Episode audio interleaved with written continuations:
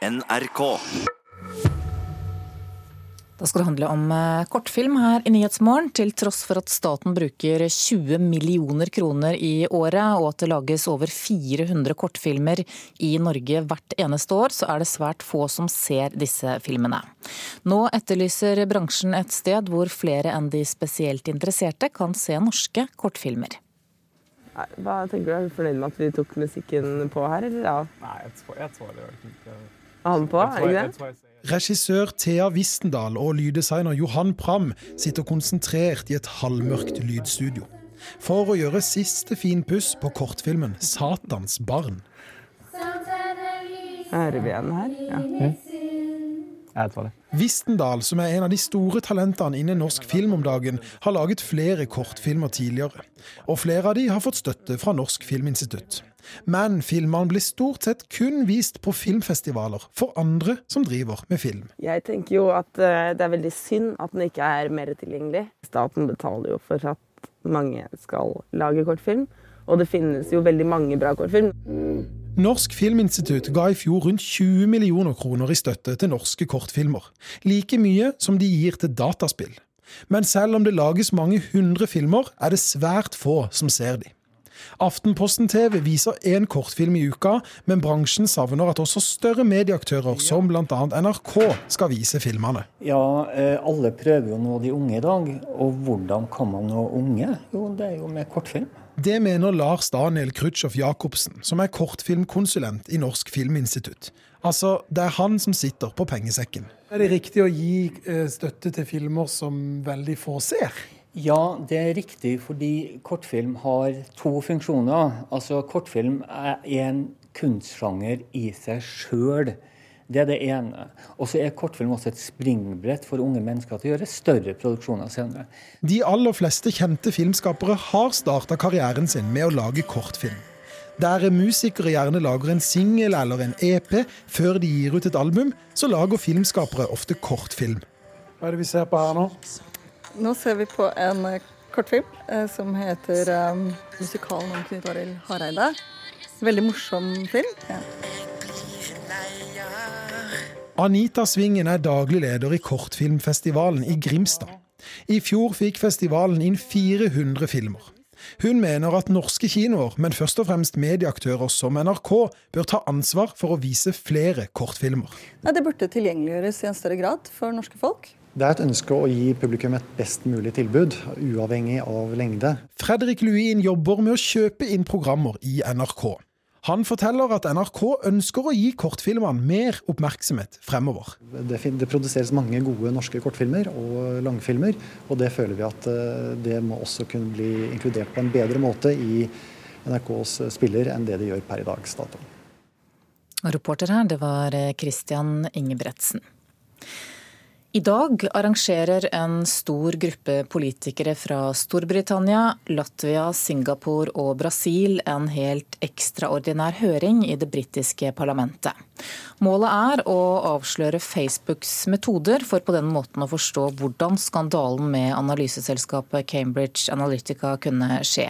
Og denne gangen stiller britiske parlamentarikere svært godt forberedt. Kulturkommentator her i NRK, Agnes Moxnes, du må starte da med å forklare hva som er bakgrunnen for denne høringen.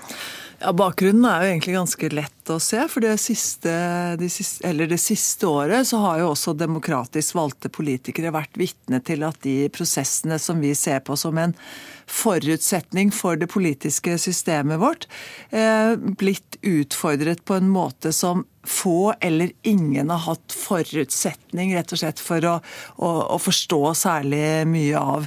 I USA så etterforskes jo nå russiske hackeres påvirkning av det, det amerikanske valget.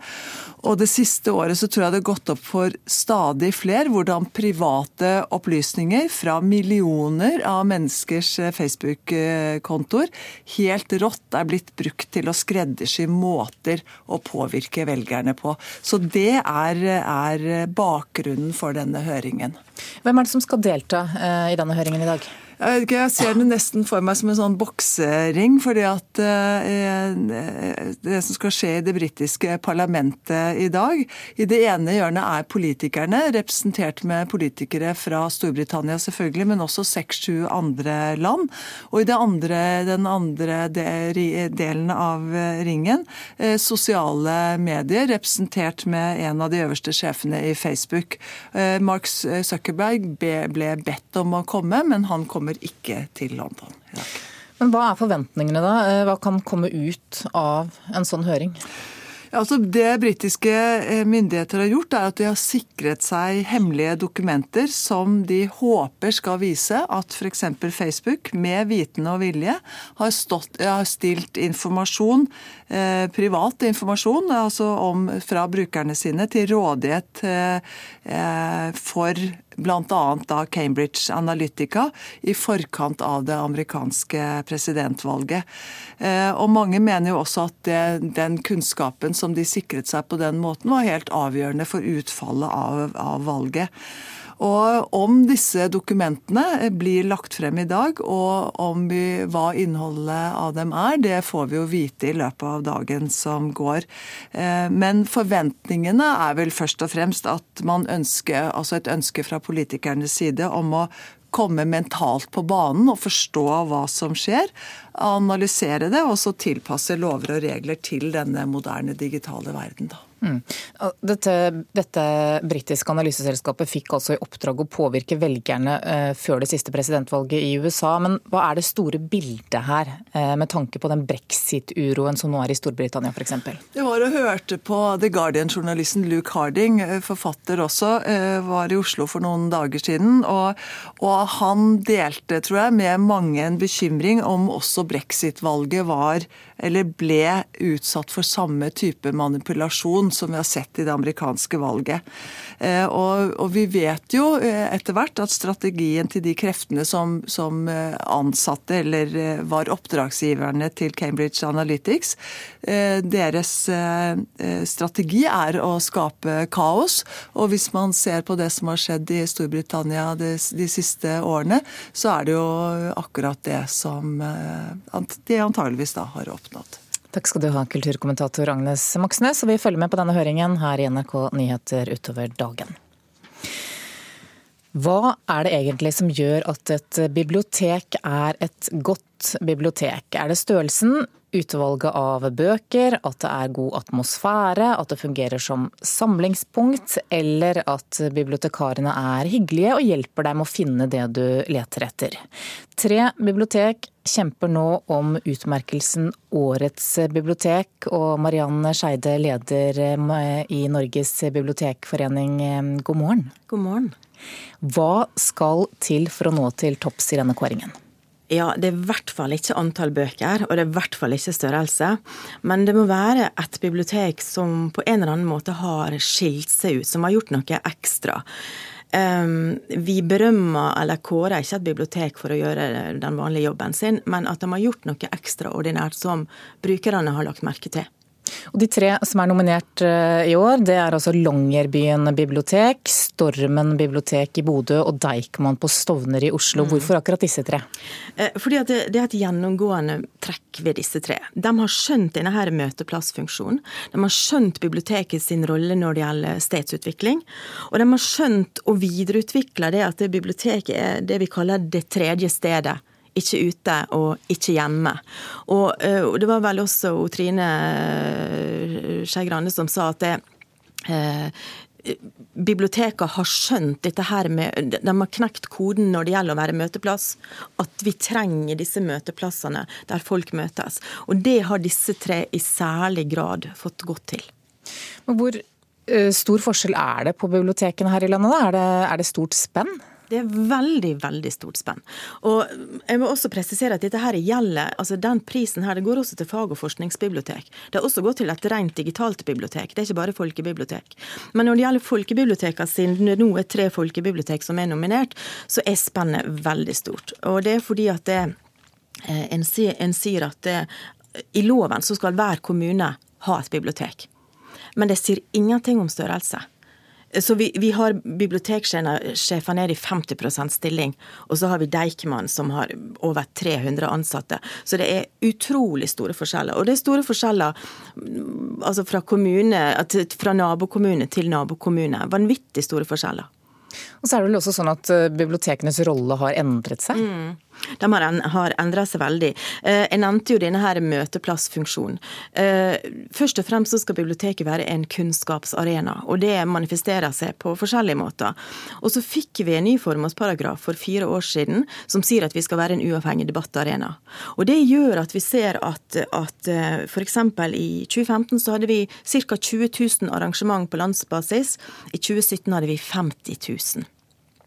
Og disse tre nominerte de har da hver på sin måte utmerka seg også der med å få til disse arrangementene.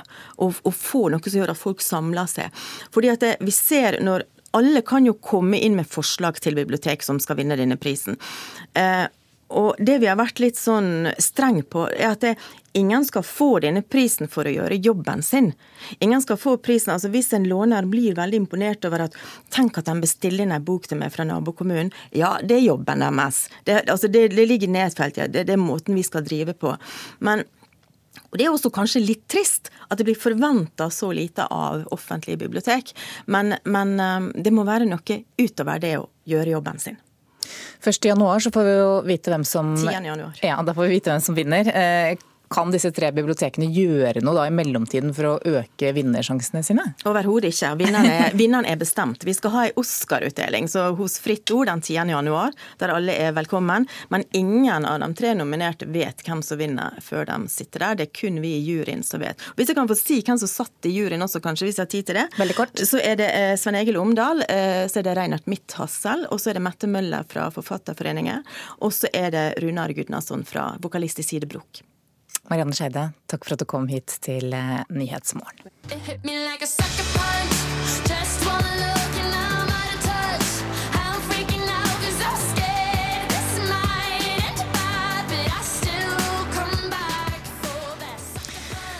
Dette er eh, artisten eh, Sigrid Råbe og hennes nye hit 'Sucker Punch'. Reporter Oddvin Aune, Sigrid blir nå hyllet i England. Det gjør hun. 22-åringen fra Ålesund blir omtalt som sensasjonell i britisk presse. Hun spilte nylig konsert foran 5000 tilskuere i den temmelig legendariske arenaen Brixton Academy i London. Og Daily Mirror sin anmelder holder ikke noe tilbake når han skal rose henne. Han, hun hylles for å ha en enorm stemme og en sterk tilstedeværelse på scenen. Og omtales også som en fantastisk underholder med en smittende energi, som jo er en en hyggelig tilbakemelding å få. Eh, hun får også ros for å ha en mye sterkere autoritet og naturlig framtoning på scenen enn hun tidligere har hatt. Ja, og Sucker Punch den sikret jo Sigrid Råbe prisen for årets låt under P3 Gull i helgen. Hvordan gjør den låten det nå? Den har jo fått fem millioner avspillinger på Spotify, men den har kanskje ikke nådd eh, de, høye, de store høydene på hitlistene. Den er ennå ikke representert på, på topp 40 i, i, England, og samtidig som at låta 'Strangers' uh, tok en veldig sterk tiendeplass tidligere i år. Um, Sucker Punch har heller ikke imponert på norske hitlister, men uh, den uh, kan jo fortsatt gjøre det.